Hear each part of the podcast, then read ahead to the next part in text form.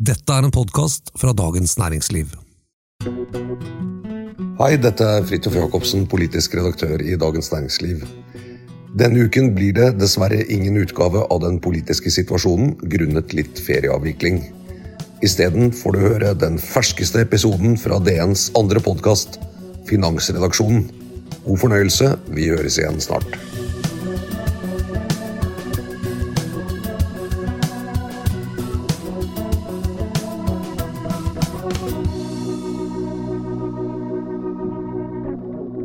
En ny tragisk hendelse har rystet verden i form av Hamas sitt angrep på Israel og gjengjeldelsen i etterkant. Samtidig så fortsetter jo Ukraina-krigen for fullt. Og så kommer den kjølige analysen fra oss i finansredaksjonen. Hva betyr det for aksjemarkedet? Vel, ikke så mye ser det ut til. Dette skal vi snakke om i ukens episode av Finansredaksjonen, en podkast som lages av oss her i DN. Jeg heter Anita Hoemsnes og er kommentator i DN. Og jeg heter Terje Erikstad, finansredaktør. Og jeg heter Tor Kristian Jensen og skriver om aksjer.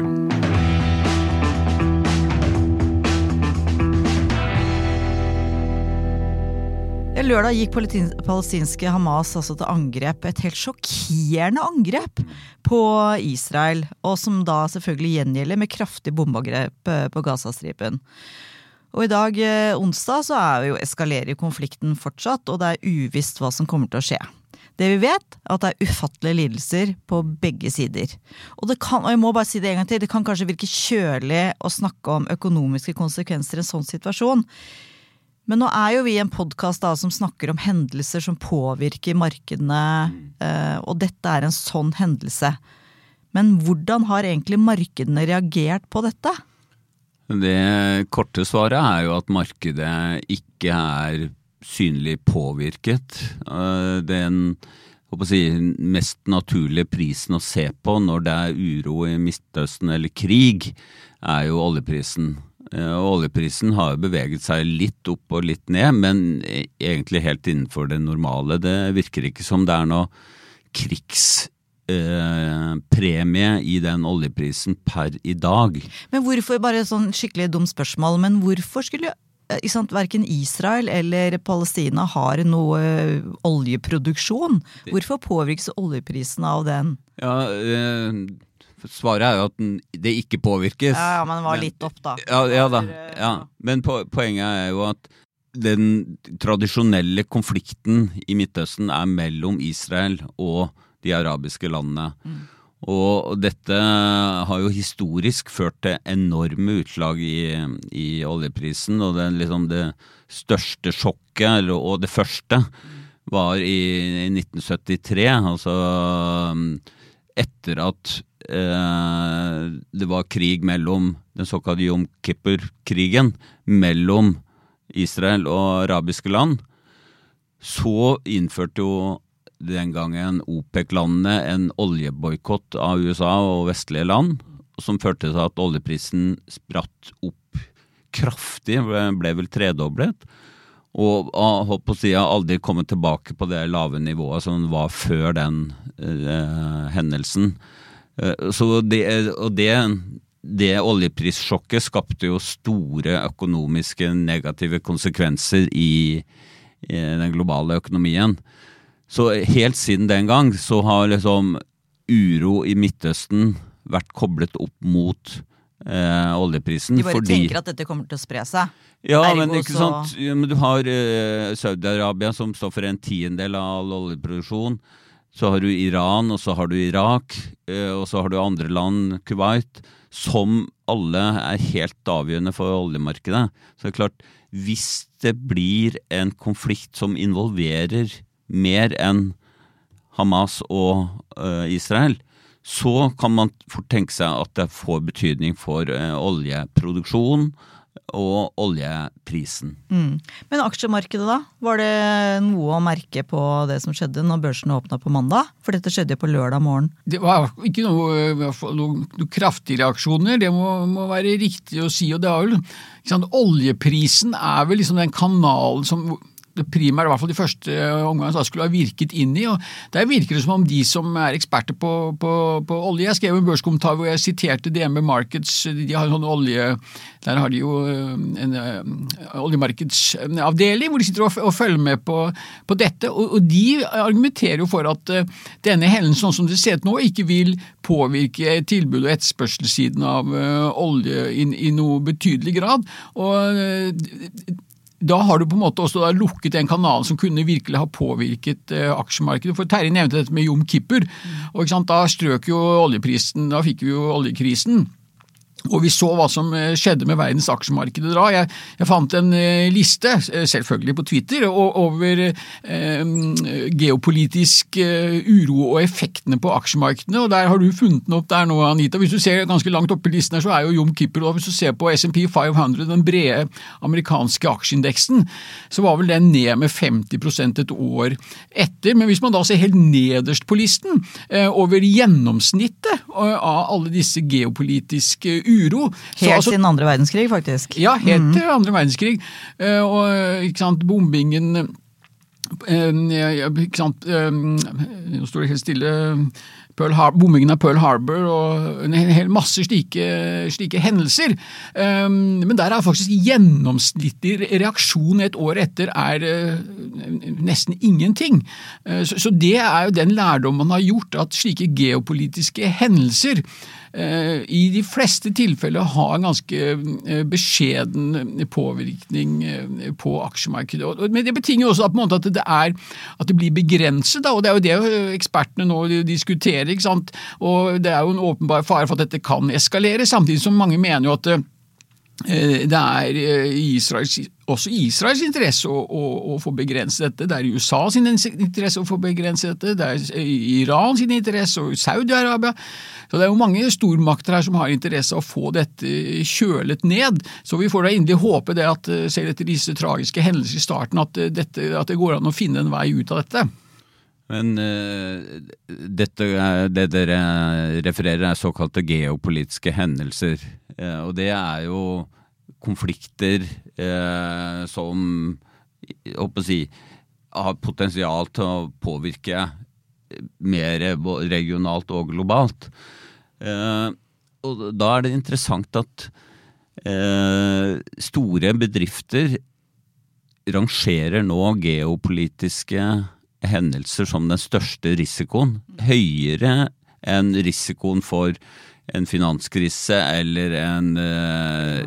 eller, ja, inflasjonsforventning, ja, høy inflasjon osv.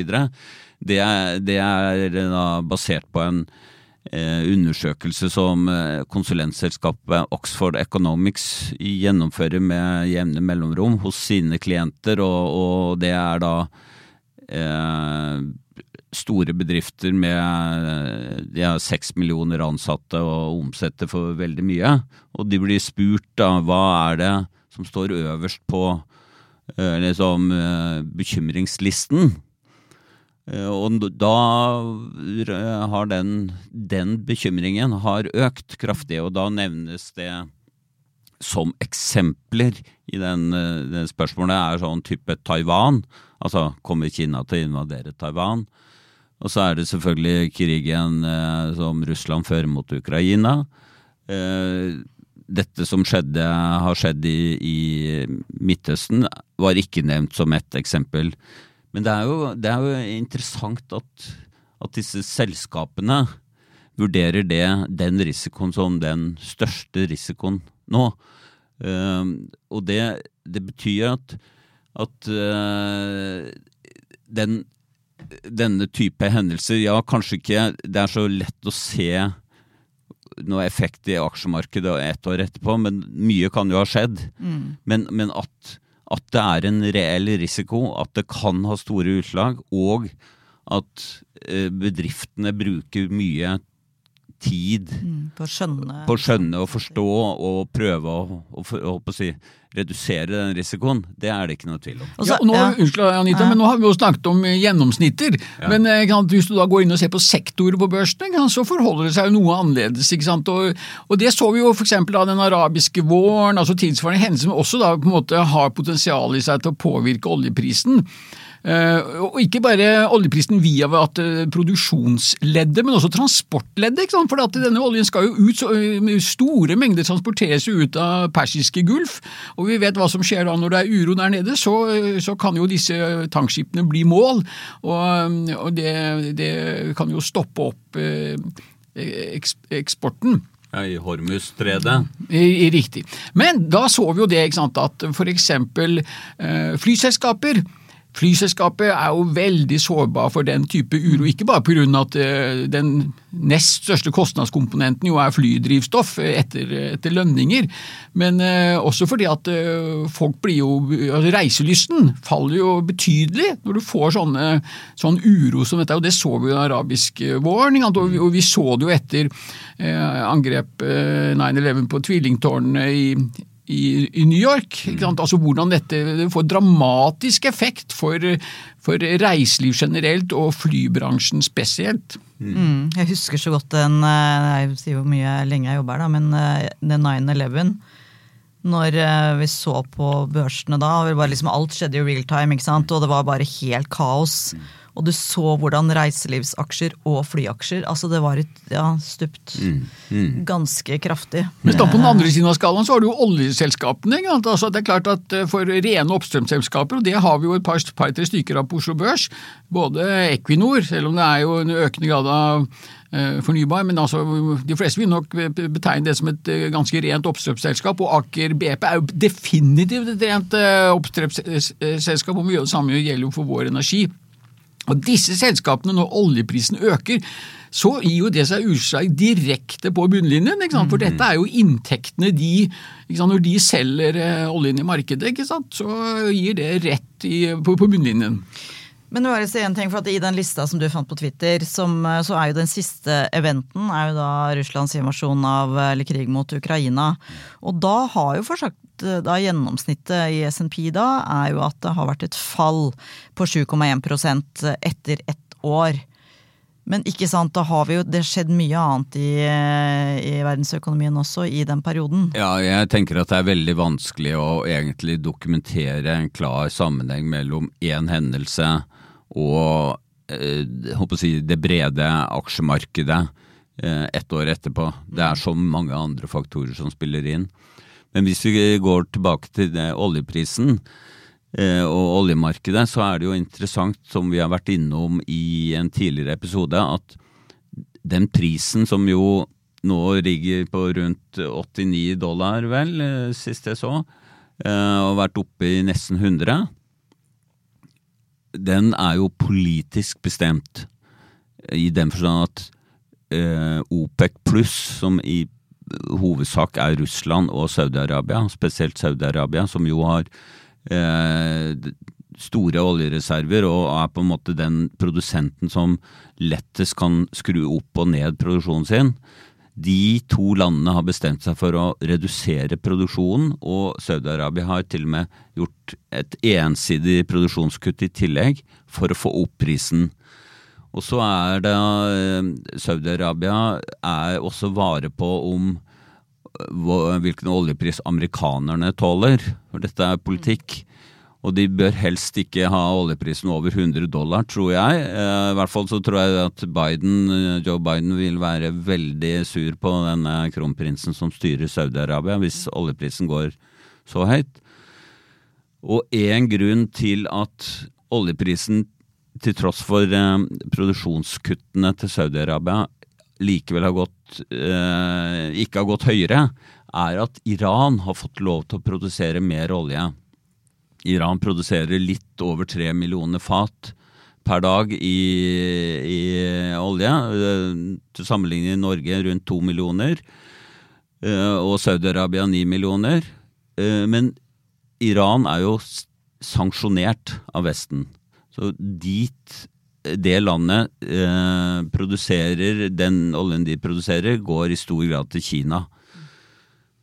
Og nå har eh, på en måte amerikanerne sett litt gjennom fingrene ved og liksom Det har blitt litt eh, Litt bedre mildere mot Iran. Eh, Litt mildere.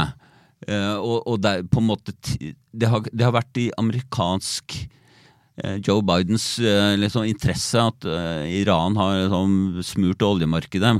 Når, eh, når Saudi-Arabia strammer inn. Men hvis det nå blir klart at Iran har stått bak på en eller annen måte til den terrorhandlingen til Hamas vi ikke veit noen ting om. Nei, eh, Wall Street Journal har skrevet med anonyme kilder hos Hamas og Iran om at dette var nøye planlagt sammen med Iran, og Iran ga klarsignal. Amerikanerne sier at de har ikke noe bevis for at det har skjedd. Men hvis det da skulle bli tilstramning mot Iran og prøve å redusere Irans eh, eksportinntekter, som jo er den viktigste eksportinntekten til landet, så åpner det egentlig for at Saudi-Arabia kan begynne å produsere mer olje for å kompensere for det bortfallet av, av iransk olje. Det ble det en lang eh, utredning her, men, men poenget mitt er at det er litt sånn motstridende interesser mellom de ulike landene, oljeproduserende landene også. Og så har du Kina og USA som spillere i bakgrunnen. Uh, og det, den uh, dynamikken der i oljemarkedet, den er veldig uforutsigbar. Da. Den òg, den er sånn veldig politisk Og på ingen da. måte markedsjustert eller markedsorientert. Er Nei, og så kom jo dette her nå da på toppen av den eh, andre store også oljerelaterte hendelsen, med Russlands angrep på Ukraina, som jo var også ekstremt viktig for, eh, for oljemarkedet. Vi så jo hva som skjedde med oljeprisen etter den hendelsen. Strøk jo opp i over 120 dollar per fat, og så fikk vi eh, eksplosjon i den eh, gassrørledningen. Og interessant nå så har det jo skjedd et, et nytt hendelse hvor det har sannsynligvis vært eh, sabotasje. Transporten i den ledningen eh, er i hvert fall eh, Mellom Finland og Estland. es- Eksakt. Er, er, er stanset også en sånn kommunikasjonskabel.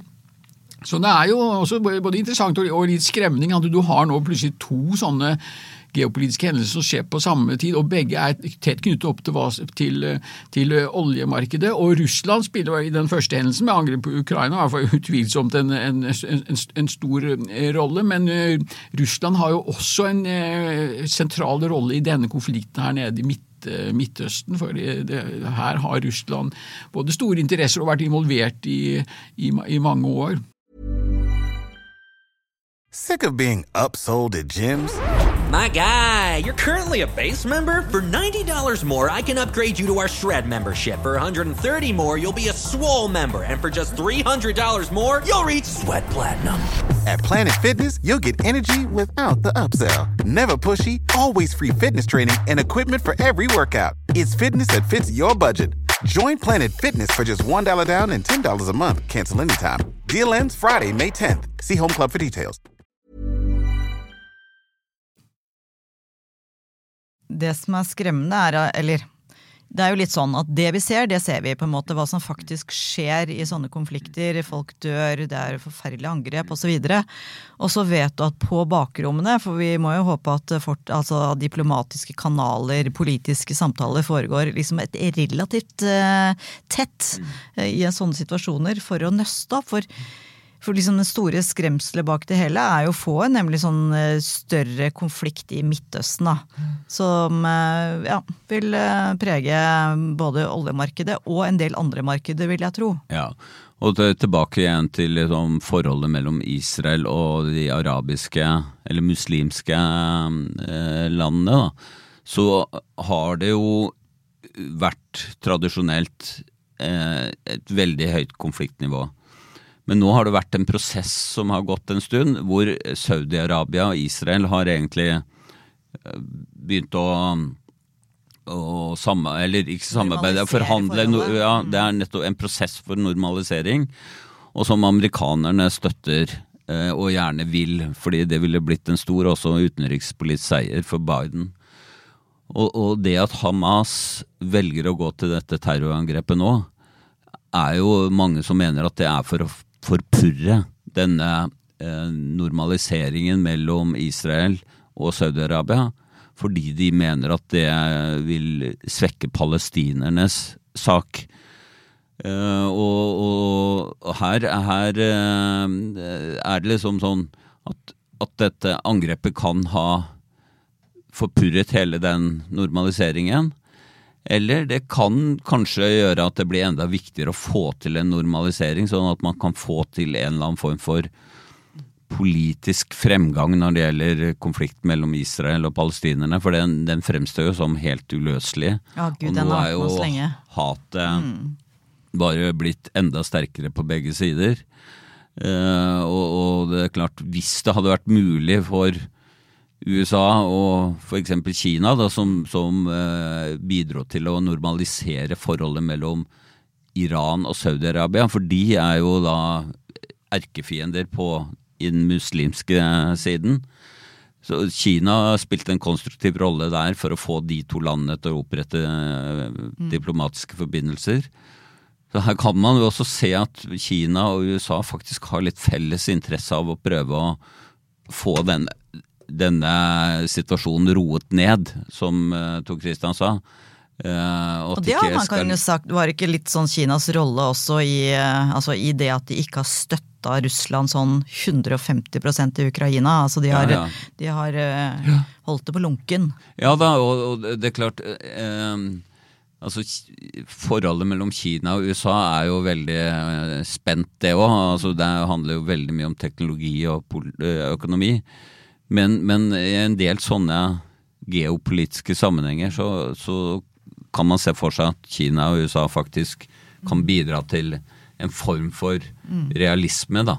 Ja, altså, det er ikke noe tvil på at de, har, de som er involvert i dette på det diplomatiet og, og på, i statsledelsen, de har jo krevende jobb med å få, få, få dratt dette i land på en fornuftig vis, og også liksom, hva skal vi tolke hvor, hvor er frontene. Men da har det vært snakket en del, hvis vi skal trekke det litt tilbake til med, med liksom, som er vår, eh, vår lille teig, da, liksom med, med aksjer og kapitalmarkedet, så er det jo mange som har sagt at eh, aksje- og kapitalmarkedene er veldig dårlige til å spå om slike geopolitiske hendelser, og det er kanskje naturlig nok. Det er ikke eh, deres jobb å sitte og gjøre hva skal vi si, analyser av eh, maktforholdene mellom eh, land, så det er vel mer av at man, hva skal vi si, aksjemarkedet sitter og de sitter og venter, og de ser på noen viktige størrelser. og En av de viktigste er jo da nettopp eh, oljeprisen, som vi har eh, snakket om.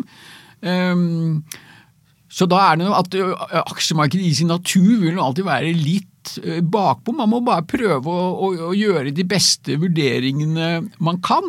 Men jeg vil tro at eksperter på Midtøsten og den type problemer, deres kurs har økt noe nå hos eh, de som sitter og forvalter enorme milliarder, for å prøve å få litt klarhet i hva er det som skjer nå, og hva er det mest sannsynlige utfallet her. Ja, for det er jo akkurat det. Hva er utfallet? Først når du det har vi snakka om mange ganger. Aksjemarkedet hater usikkerhet. Og dette er jo en type usikkerhet som man ikke Man vet ikke the end game. Og det er vel først når man liksom ser eh, hvordan dette kan ende, at man kan ta beslutninger eh, for å investere på en fornuftig måte. Så det er ikke så rart at opp tilbake til den undersøkelsen fra Oxford, så er det ikke så rart at de har geopolitisk uro på toppen. På ingen måte, og du kan si at, at uh, måten man verdivurderer eh, aksjer på, er jo, eller aksjemarkeder, er jo at man, man har en såkalt sikker avkastning i bånn, som da er alternativet. Du kan kjøpe statsobligasjoner. Og så har du en risikopremie over det, som er på en måte den eh, avkastningen du krever for å ta risiko. Og i den risikopremien så er det jo masse forskjellige ting. Og der ligger også den geopolitiske risikoen. Og det kan, kan jo på en måte Man kan også tolke det sånn at, at det allerede er bakt inn en premie i aksjekursen for den type hendelser. Man må vente at det kommer. Det kommer alltid en, litt, en konflikt her, det kommer en konflikt der. Og det må vi på en måte bare ta med. Sånn at Sånn sett kan du si at aksjemarkedet er fremoverskuende. Ja, ja. at- de bare baker, baker inn i den risikopremien. Et eller annet kommer til å skje. Et eller annet uh, må vi ha betalt for å ta, for å ta denne risikoen. Ja, og, og i dag kommer vi også igjen på dette med, med sektorer, hvor noen sektorer så er det mer ø, hva skal vi si, synlig enn i andre sektorer. Vi nevnte fly og, og, og reiseliv, og da også en annen sektor innen reiseliv er jo cruisebransjen. Og det så vi også under hendelsen den arabiske våren, hvordan det markant. Altså all cruisetrafikk eh, som var i det hele tatt i nærheten av de områdene, det ble jo bare innsidd. Det bare slutta jo, Skipene gikk jo ikke. Og nå har cruisebransjen har jo vært igjennom en eh, veldig tung periode etter korona, hvor cruisebransjen for alle praktiske formål var jo nedfortelling. Det var jo ikke, det var jo ikke aktivitet i det hele tatt. Også veldig heldig å stappe 5000 mennesker inn på et Eh, skip. Nei, eh. ikke sant, i en sånn der blikk, blikkboks. Og da, eh, ikke sant, så de, med enorm gjeld, og de hadde kjøpt mange nye skip. Så nå har de liksom endelig begynt å komme seg litt opp fra, fra den knockouten. Og så eh, får de da nye hendelser sånn som dette. Og så, men så er det jo andre sektorer. Som vi ikke har nevnt hittil, og det er jo våpenindustrien. Og vi har jo en slik aksje på Oslo Børs. Kongsberg Gruppen, som jo ser den aksjen stiger jo eh, betydelig. Og eh, nettopp, og vi ser jo det, det er jo underskudd på De mangler jo våpen, og ikke minst etter eh, krigføringen i Ukraina, så er det jo mangel på, på våpen eh, nesten i alle land, som er mitt inntrykk. Og da er det klart at de som eh, produserer disse tingene, de, de øker i kurs, for å si det slik. Ja da, Kongsberg Gruppen. eh, Nå skulle jeg sjekke kursen, men det Ja, der er den, ja. Eh, Så det er jo helt klart. Men det er jo liksom paradoksalt, for det er vel egentlig sånn at veldig mange fond som vi vanlige dødelige investerer i, da, de eh, har utelukket våpenprodusenter. Ja, en- Eh, I hvert fall en del av de. Så- Ja, en del, sånn som oljefondet, har jo ikke produsenter som lager kjernefysiske våpen, men det er ikke våpen generelt, det er ikke ekskludert. Og veldig mange indeksfond har jo Der inngår jo også forsvarsindustrien, da. Eh, Med de snille våpnene. Ja, det, det, man kan jo si at våpen er, er jo tveget. Man kan både forsvare seg og angripe med dem. Men, men når konfliktnivået øker eh, og forsvarsutgiftene øker rundt omkring, så betyr jo det at markedet for disse bedriftene blir bedre. Og alt annet like, så vil det bety at kursen går opp.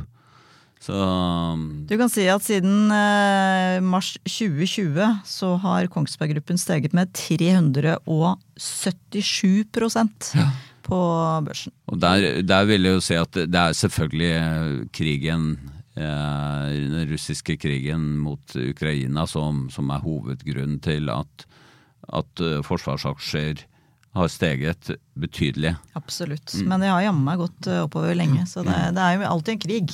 Ja, Det er jo interessant dette med, vi snakket om dette med fond som ekskluderer visse sektorer. og Det, det var jo under Uh, uh, her For noen år tilbake nå så var det jo slik var det jo en veldig trend om at folk ekskluderte alt av oljerelaterte aksjer, for det var liksom fy-fy og det, den gamle tiden, og det, det skulle vi ikke holde på med mer. Men eh, der har det blitt veldig merkelig stille i forsamlingen på den type ting. For nå er jo altså at, og det har vi jo snakket om i tidligere episoder også, at øh, olje er, altså Man innser hvilken strategisk betydning det har, at det fortsatt kommer til å være en stor del av energimiksen i mange år fremover. At det da blir et veldig trendskifte der. Ja. Men eh, det var eh, vår take på Midtøsten-konflikten, for å si det forsiktig. Og så er jeg veldig glad for at nå har vi ikke tid til å snakke om fantasyfond. For eh, personlig så orker jeg nesten ikke å se på det. Det er på desidert sisteplass omtrent. Og gikk på en kjempeblem i SAS. Det er alt jeg vil si om den saken. Jeg har medfølelse, medlidenhet med deg. Og Det hadde vært greit med et par gode tips, så hvis noen eh, lyttere har det, så, så send meg gjerne denne veien. Tusen takk for at du hørte på denne episoden av Finansredaksjonen. Vår produsent er Gunnar Bløndal. Ha det bra!